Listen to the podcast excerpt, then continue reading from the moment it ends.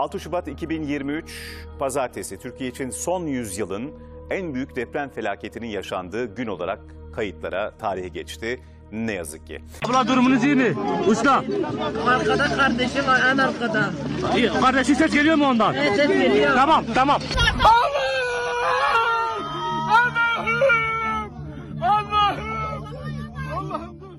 Güneydoğu ve Doğu Anadolu bölgesinden yürek yakan bir deprem haberi 4.17 sıralarında meydana geldi. 7,4 şiddetinde Sesimi duyan var mı? Arama kurtarma ekibi burada. Türkiye 6 Şubat pazartesi cehennem gibi bir sabaha uyandı. Sabah saat 4.17'de Türkiye'nin neredeyse tamamında hissedilen büyük bir deprem meydana geldi.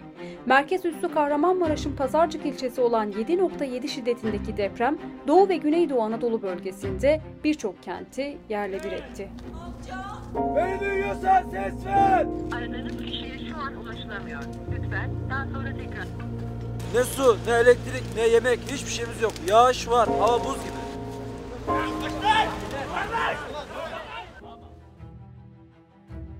Doğu Anadolu fay hattının geçtiği Kahramanmaraş, Gaziantep, Şanlıurfa, Diyarbakır, Adıyaman, Elazığ, Malatya, Hatay, Kilis, Adana ve Osmaniye depremden en ağır şekilde etkilenen kentler oldu. Bu illerin yakınlarındaki il, ilçe ve köylerde de ağır hasarlar meydana geldi. İlk depremin ardından ardı arkası kesilmeyen bir deprem fırtınası yaşandı. İlk depreme uykusunda yakalanan insanlar ikinci depremin yıkıntılarını an be an izlediler. Deprem deprem meydana geldi şu anda. Şu anda deprem meydana geldi. Kayıtta mısın? Deprem meydana geldi. Evet. Evet. Binalar yıkıldı burada. Yaklaşık 9 saat sonra öğle saatlerinde gelen 7.6 büyüklüğündeki ikinci deprem sabahki depremin kuzeyinde gerçekleşti. Merkez üssü bu defa Maraş Elbistan'dı. Kandilli Rasathanesi merkez üssünü Kahramanmaraş Ekinözü olarak açıkladı. Erdem beni duyuyor musun? Beni duyuyorsan ses ver. Kurtarın kızımı kurtar. Teyze ses. Cevap vermiyor vermiyor tavan düştü. İkinci kat ikinci kat. Az görse vatanı olan ya. İkinci kat. Abla evimde bir işim var. Ya ölen adamın sesini nereden alacak? Baba ses. Nerede ölmedi? Kızım ölmedi. 12 saat içinde yaşanan iki büyük depremin ardından farklı il ve ilçelerde şu ana kadar birçok kere şiddetli depremler yaşandı. Yaşanmaya da devam ediyor. Depremlerin büyüklüğüne yakın şiddette de artçılar devam ediyor. Gelme. La la la. Doğu Anadolu, Batı Anadolu ve Kuzey Anadolu fay hatları üzerinde bulunan Türkiye'de adeta bir deprem fırtınası yaşanıyor. Aman yarabbi aman aman yarabbi aman. İçeride insan vardı ya niye çıkmadınız? Allahu Ekber. Uzmanlara göre 7.0 büyüklüğündeki bir depremde ortaya çıkan enerji 480 bin ton patlayıcının ortaya çıkardığı enerjiye eşdeğer. Yani 32 atom bombasının yaratacağı etkiyle hemen hemen aynı. Böylesi ağır bir etki yaratan depremin sonuçları da çok ağır oldu. Belirlenen resmi rakamlara göre can kaybı 40 bini aşmışken depremzedelere ve deprem bölgelerinde bulunan sivil toplum örgütlerine göre can kaybı 100 bini aşmış durumda. Ablam içeride, eniştem içeride, amcamın torunu, amcamın oğlu, iki torunum, bir oğlum, bir gelinim içeride. Afat nerede? Devlet nerede? İnsanlarımız öldü. 24 saatten fazla geçti. Allah'ın bir kulu gelmedi. Türkiye'yi yasa boğan bu depremler geriye tarif edilemez bir acı, muhataplarına ulaşmayan bir öfke, kızgınlık, küskünlük ve kaderine terk edilmiş binlerce insan bıraktı. Ben Kısa Dalga'dan Yeşim Özdemir. Bu podcast dosyasında depremde birçok açıdan daha dezavantajlı durumda olan kadınların depremle mücadelesine odaklanacağım. Hiç kimse gelmedi ya. Kimse gelmedi. Biz çarşaflarla indik bu apartmandan. Yani biz oradan nasıl çıktığımızı da bilmiyoruz. O, düşün ya biz market yağmalıyoruz. Düşünebiliyor musunuz? Market yağmalıyoruz.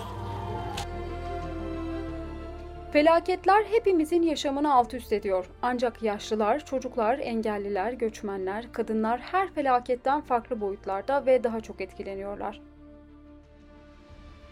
Özellikle toplumsal cinsiyet eşitsizliğine dayalı olarak kadınlar depremle mücadele ederken birçok açıdan daha dezavantajlı, daha savunmasız ve daha korunmasız durumdalar.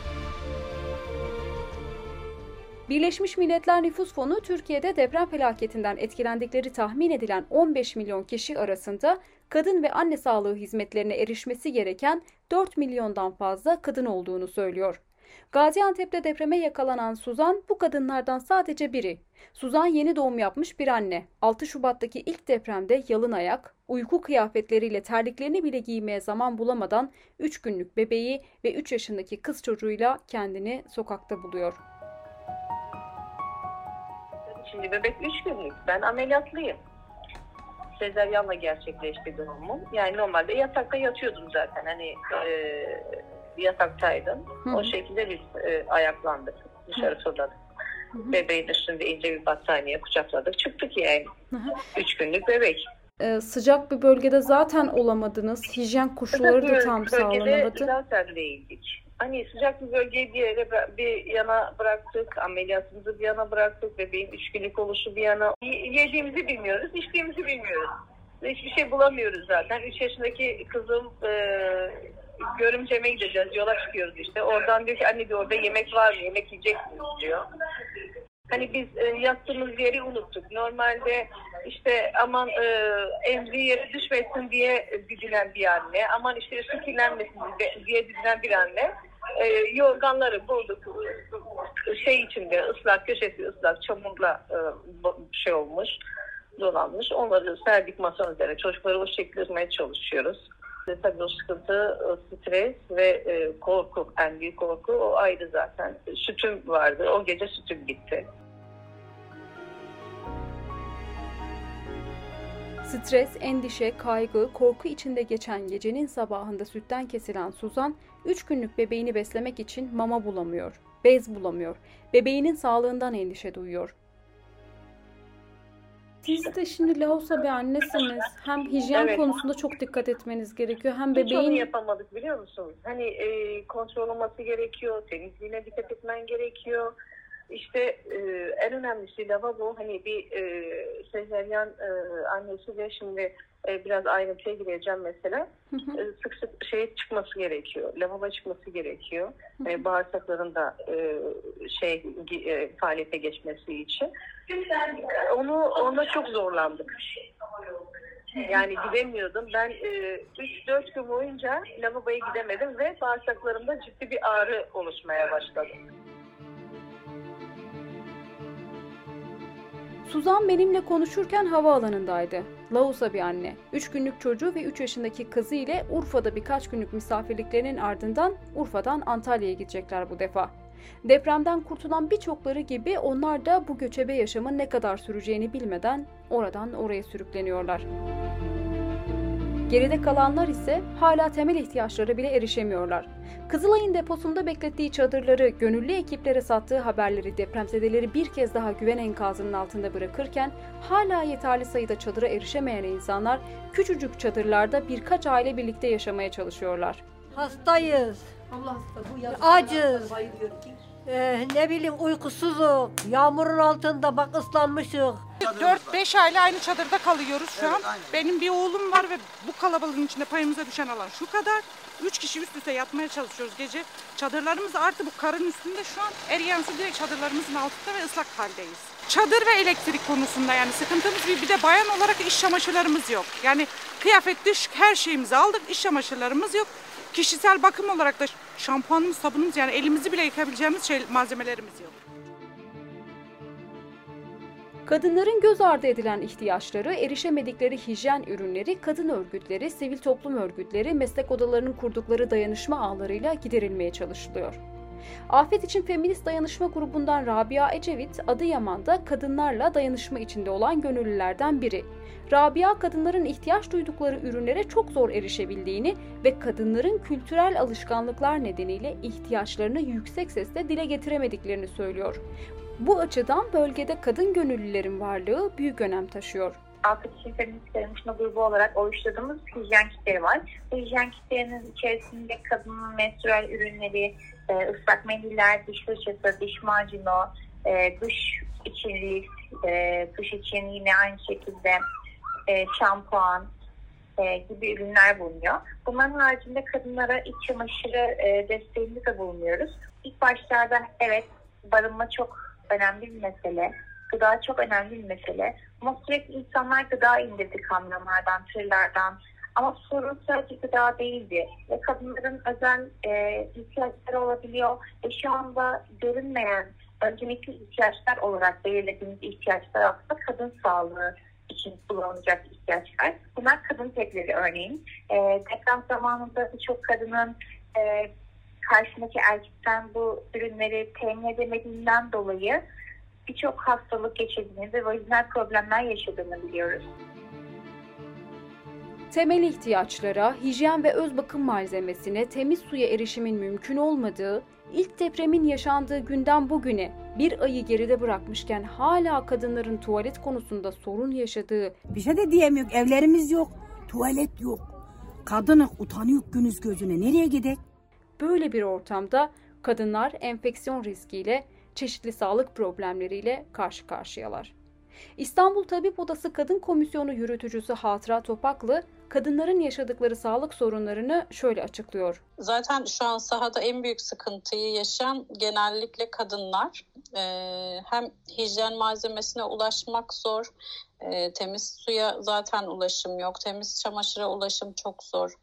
Ee, sahada en büyük e, sağlık problem, problemleri de yine kadınlarla ilgili. Ee, genellikle işte e, susuzluktan ve işte hijyen malzemesi eksikliğinden vajinit çok sık görmeye başladık.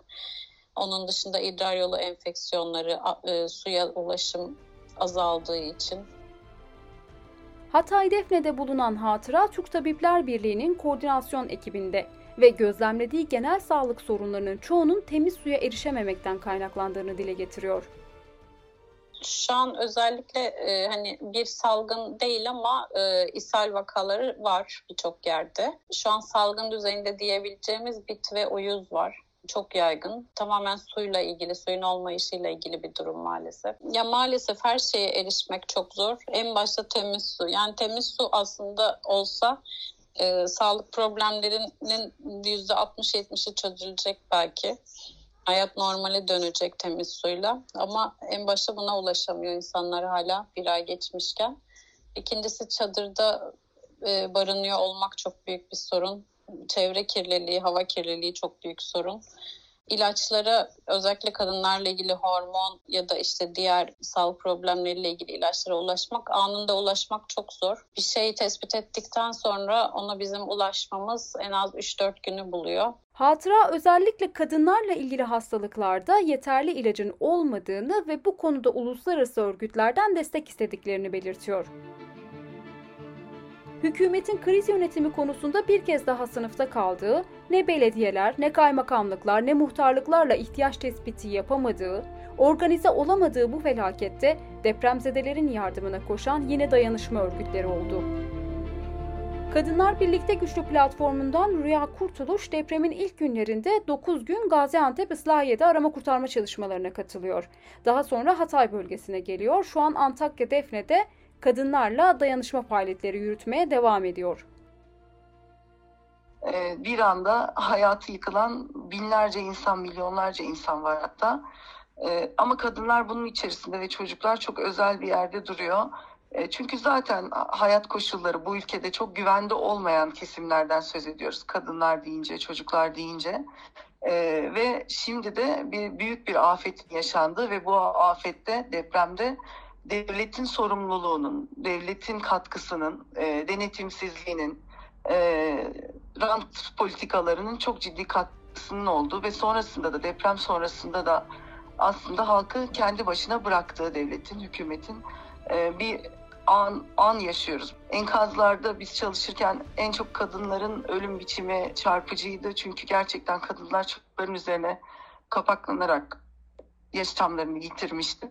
Yine o anda bile e, birilerini korumak için, çocuklarını korumak için harekete geçmişti birçok kadın ve o şekilde bulduk kadınları. Çocuğunu koruyan, yaşamasını sağlayan çocuğun kadınlar olmuştu enkaz içerisinde. Ya da e, enkazdan çıkan bir biçimde çıkan kad- kadınlar yakınları olan başka kadınların yanına yerleşti ve oralarda büyük ailelere bakmak zorunda kaldı kadınlar. İlk günlerde bir de hiçbir ihtiyacın, temel ihtiyacın ortada olmadı. Suyun olmadı, elektriğin olmadı koşullarda bunlar yapıldı.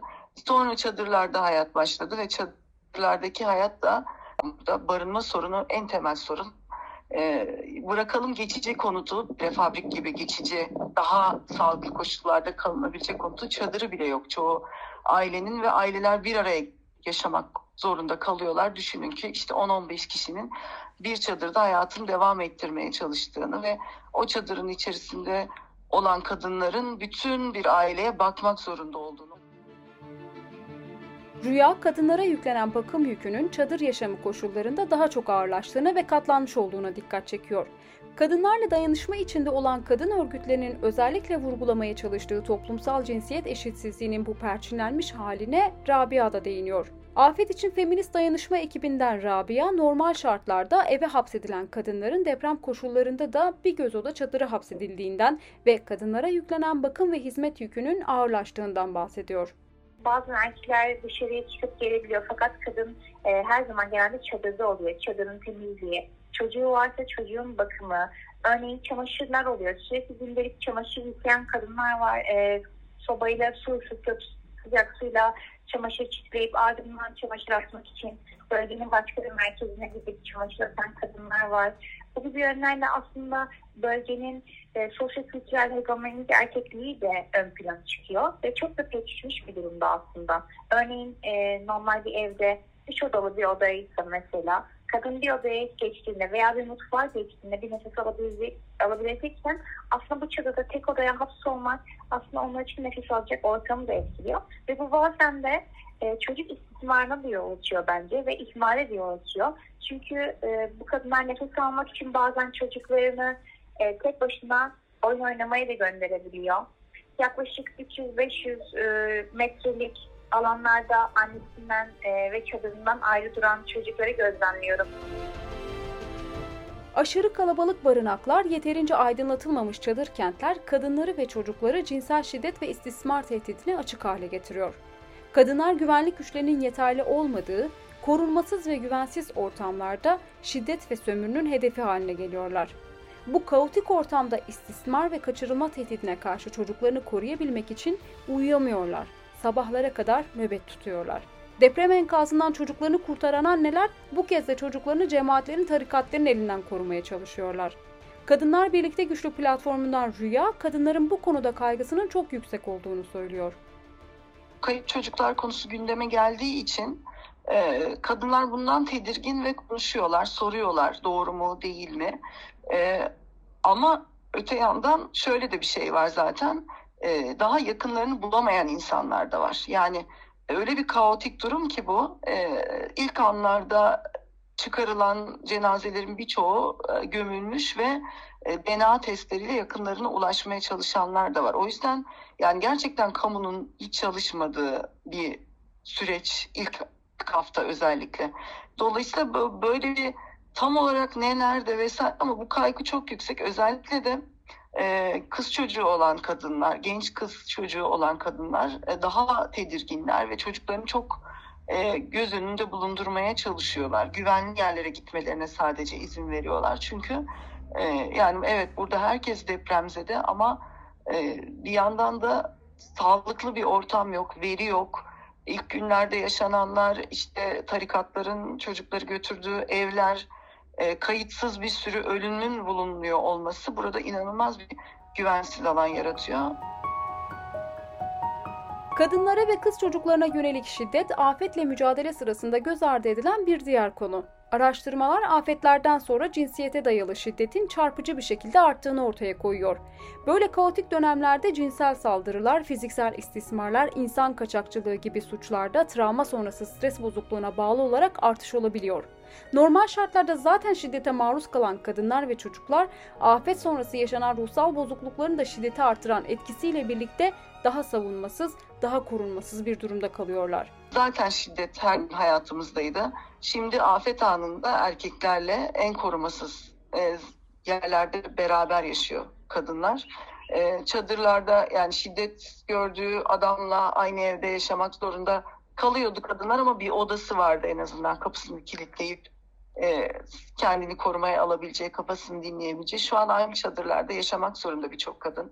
Boşanma as- aşamasında olan kadınlar mecburen kalacak yer olmadığı için e, yine şiddet gördüğü adamlarla, kocasıyla işte aynı yerde yaşamak zorunda kalıyor. Çocuklar bu ortamın içerisinde bir küçücük çadırda bütün o gerilime tanık oluyor ve e, çocuklar çok travmatik zaten. Daha şey e, çok ciddi etkilenmiş vaziyetteler. En azından bizim gözlemlediğimiz. E, burada psikolog arkadaşlar da bizimle beraber çalışıyor. Çocuklar için çok ciddi çalışmalara ihtiyaç var burada. Uzun vadeli olarak, kısa orta uzun vadeli olarak planlanması gereken. Yine yalnız yaşayan kadınlar veya boşanmış kadınlar çok büyük sorunlar yaşıyorlar. Kadınlar Birlikte Güçlü platformundan Rüya'nın aktardığına göre bölgede yalnız yaşayan kadınlara çadır verilmiyor. Tek oldukları için çadır alamıyorlar. Mevcut eşitsizliklerin daha da körüklendiği afet koşullarında yalnız kalan kadınların çoğu ya yakınlarının yanına sığınmak zorunda kalıyor ya da kadınlarla dayanışma faaliyetleri yapan grupların yanında kalıyorlar. Bir diğer önemli sorun şiddete maruz kalan kadınların başvuracakları mercilerin olmaması. Avukat Döndü Kurşunoğlu Halk Evleri Hukuk Dairesi adına deprem bölgesinde bilgilendirme çalışmaları yapan gönüllü hukukçulardan biri. Döndü Hatay Defne'de kurulan kadın dayanışma çadırlarında çadırı ziyarete gelen depremzede kadınlarla sohbet ediyor. Onların sorunlarını dinliyor ve konuştukları kadınlar genellikle şiddet öykülerini paylaşıyorlar. Ancak şiddeti bildirecek bir karakol bile yok. Biz de e, bir avukat arkadaşımla Elif Demirtaş aslında e, ilk önce Türkiye Barolar Birliği'ne gittik. E, bu şiddet vakaları ile ilgili bir çalışmaları olup olmadığını sorduk. Henüz bir çalışma olmadığını Hatay Barosu'nu ayağa kaldırmaya çalıştıklarını söylediler. Onun ardından biz de adliyeye gittik. Adliye ikinci depremden sonra ağır hasar almıştı. Adliyenin ön tarafında bulunan bir yere konteynerler kurulmuş ve bölüm bölüm işte hukuk mahkemeleri, ceza mahkemeleri, soruşturmalar, savcılıklar diye bölüm bölüm ayırmışlardı. Kendi içlerinde de böyle konuşurken şeyden bahsettiler. Yani çadırların numarası var mı ki biz uzaklaştırmak kararı verelim? Ya da zaten elektronik kelepçe verilmezken biz nasıl şimdi elektronik kelepçe verelim? Ya da atıyorum orada karakol yok. Yani seyyar ekipler var, seyyar gezici işte asker polis var ama karakol yok. Yani kadının başvurabileceği bir merci yok. Döndü ve arkadaşı tüm bu bölümleri ziyaret ederek kadına yönelik şiddet konusunda neler yapılabileceğini araştırıyorlar. Ancak oradaki hukukçular aile hakiminin olmadığından kaynaklı bir tıkanıklık yaşadıklarından söz ediyorlar. Aile mahkemesi hakiminin olması önemli çünkü savcılık aşamasında koruma tedbir kararı istense bile son süreçte aile mahkemesi kararı veriyor ve şu an bölgede aile mahkemesi hakimi yok. Peki deprem öncesinde koruma tedbir kararları olanlar ne durumda? Kadınlar şiddetin faili bu erkeklerle aynı çadırda mı kalmak zorundalar? Ne yazık ki aynı çadırda kalmak zorundalar. Tabii ki koruma tedbir kararları her ilden alınabilir.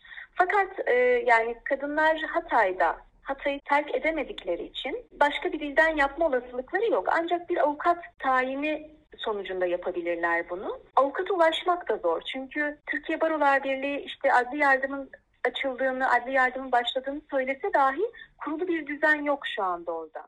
Aynı zamanda biz Türk Tabipler Birliği'nin çadırına ziyarete gittiğimizde bir tane göçmen kadına tecavüz olayının olduğunu söylediler deprem sonrası. Onunla ilgili bir çalışma yürüttüklerini atıyorum e, o konuda da bir rapor alınması, muayene edilmesi konusunda bir hastane sıkıntısı yaşadıklarını da söylediler. Çünkü hastane de yıkıntılar arasında. Şiddete maruz kalan kadınların hem başvuracakları merciler yok hem de afetle mücadele bu şikayetlerin bildiriminde gecikme ve ertelemeye neden oluyor.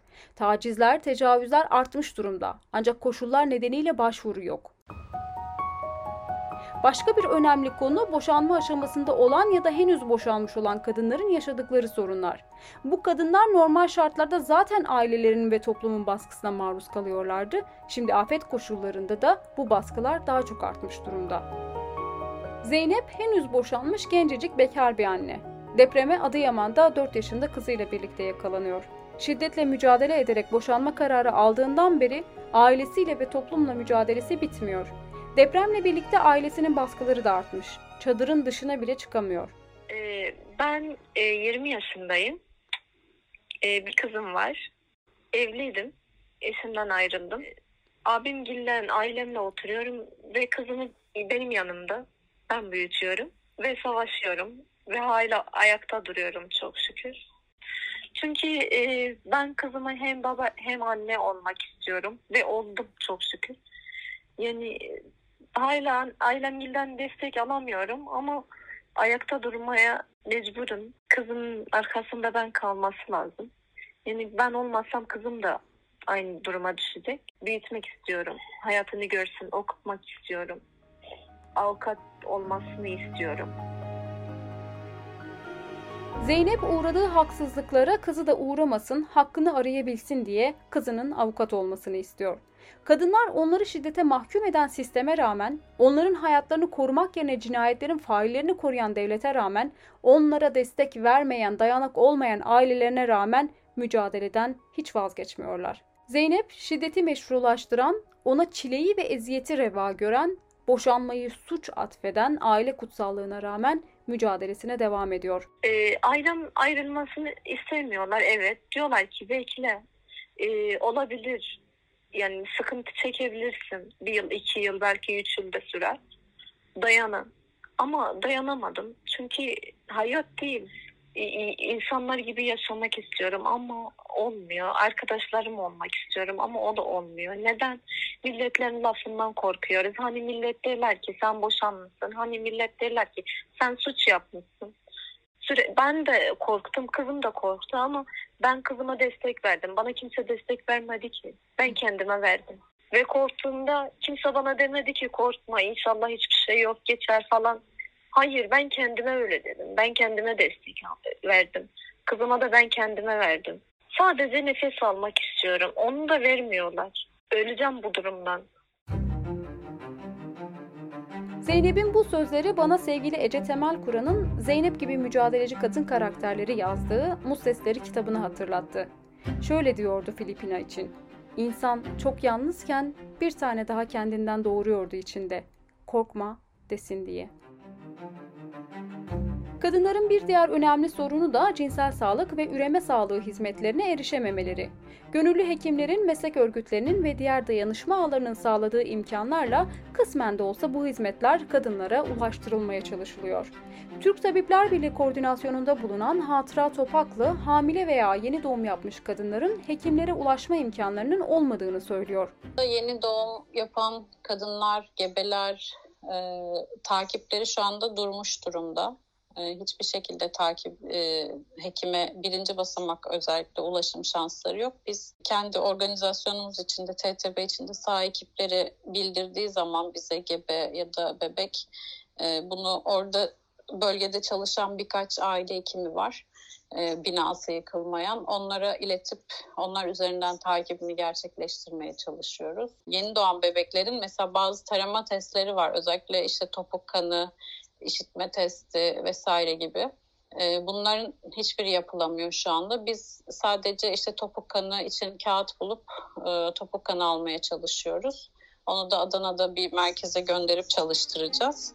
Birleşmiş Milletler Nüfus Fonu'nun verilerine göre mülteci topluluklar da dahil olmak üzere bölgede yaşayan en az 15.8 milyon insan depremlerden etkilenirken bu insanlar arasında 4 milyondan fazla doğurganlık çağında kadın bulunuyor ve önümüzdeki ayda 25 bin kadının doğum yapması bekleniyor.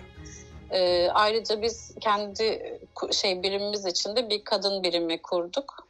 Buraya gelen kadınlar en azından hani bir uzun bir görüşme yapabiliyorlar oradaki hemşire arkadaşımızla. Oradan kadınlara e, hijyen malzemesi, bazen gerekirse gebelik testi, doğum kontrol yöntemleri, gebeliği önleyici yöntemler sağlayabiliyoruz. Çünkü böyle zamanlarda travma sonrası gebelik durumunun artma ihtimali her zaman bilinen bir şey. Ve bu ortamda gebe kalmak bir kadın için çok zor. Zaten Türkiye'de son 3-4 yıldır gebeliği önleyici yöntemler e, devletin ücretsiz sağlaması gereken bir şeyken kaldırılmış durumdaydı. Tamamen devlet elini çekmişti buradan. Şimdi bu deprem ortamında daha da zor ulaşmak imkansız neredeyse.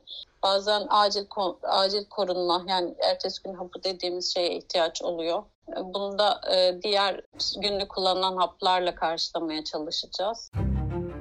Kadınlar yaşadıkları tüm bu sorunlara rağmen bölgedeki dayanışma gruplarına dahil olarak afet sonrası iyileşme sürecine büyük katkı sağlıyorlar.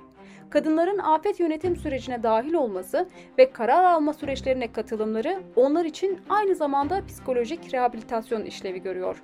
Ancak elbette ki depremzedelerin daha kapsamlı ve profesyonel bir psikososyal desteğe ihtiyaçları var. Hem bu ihtiyacın hem de diğer eksikliklerin acilen giderilmesi için dayanışma grupları tüm kamu kurumlarını göreve çağırıyor.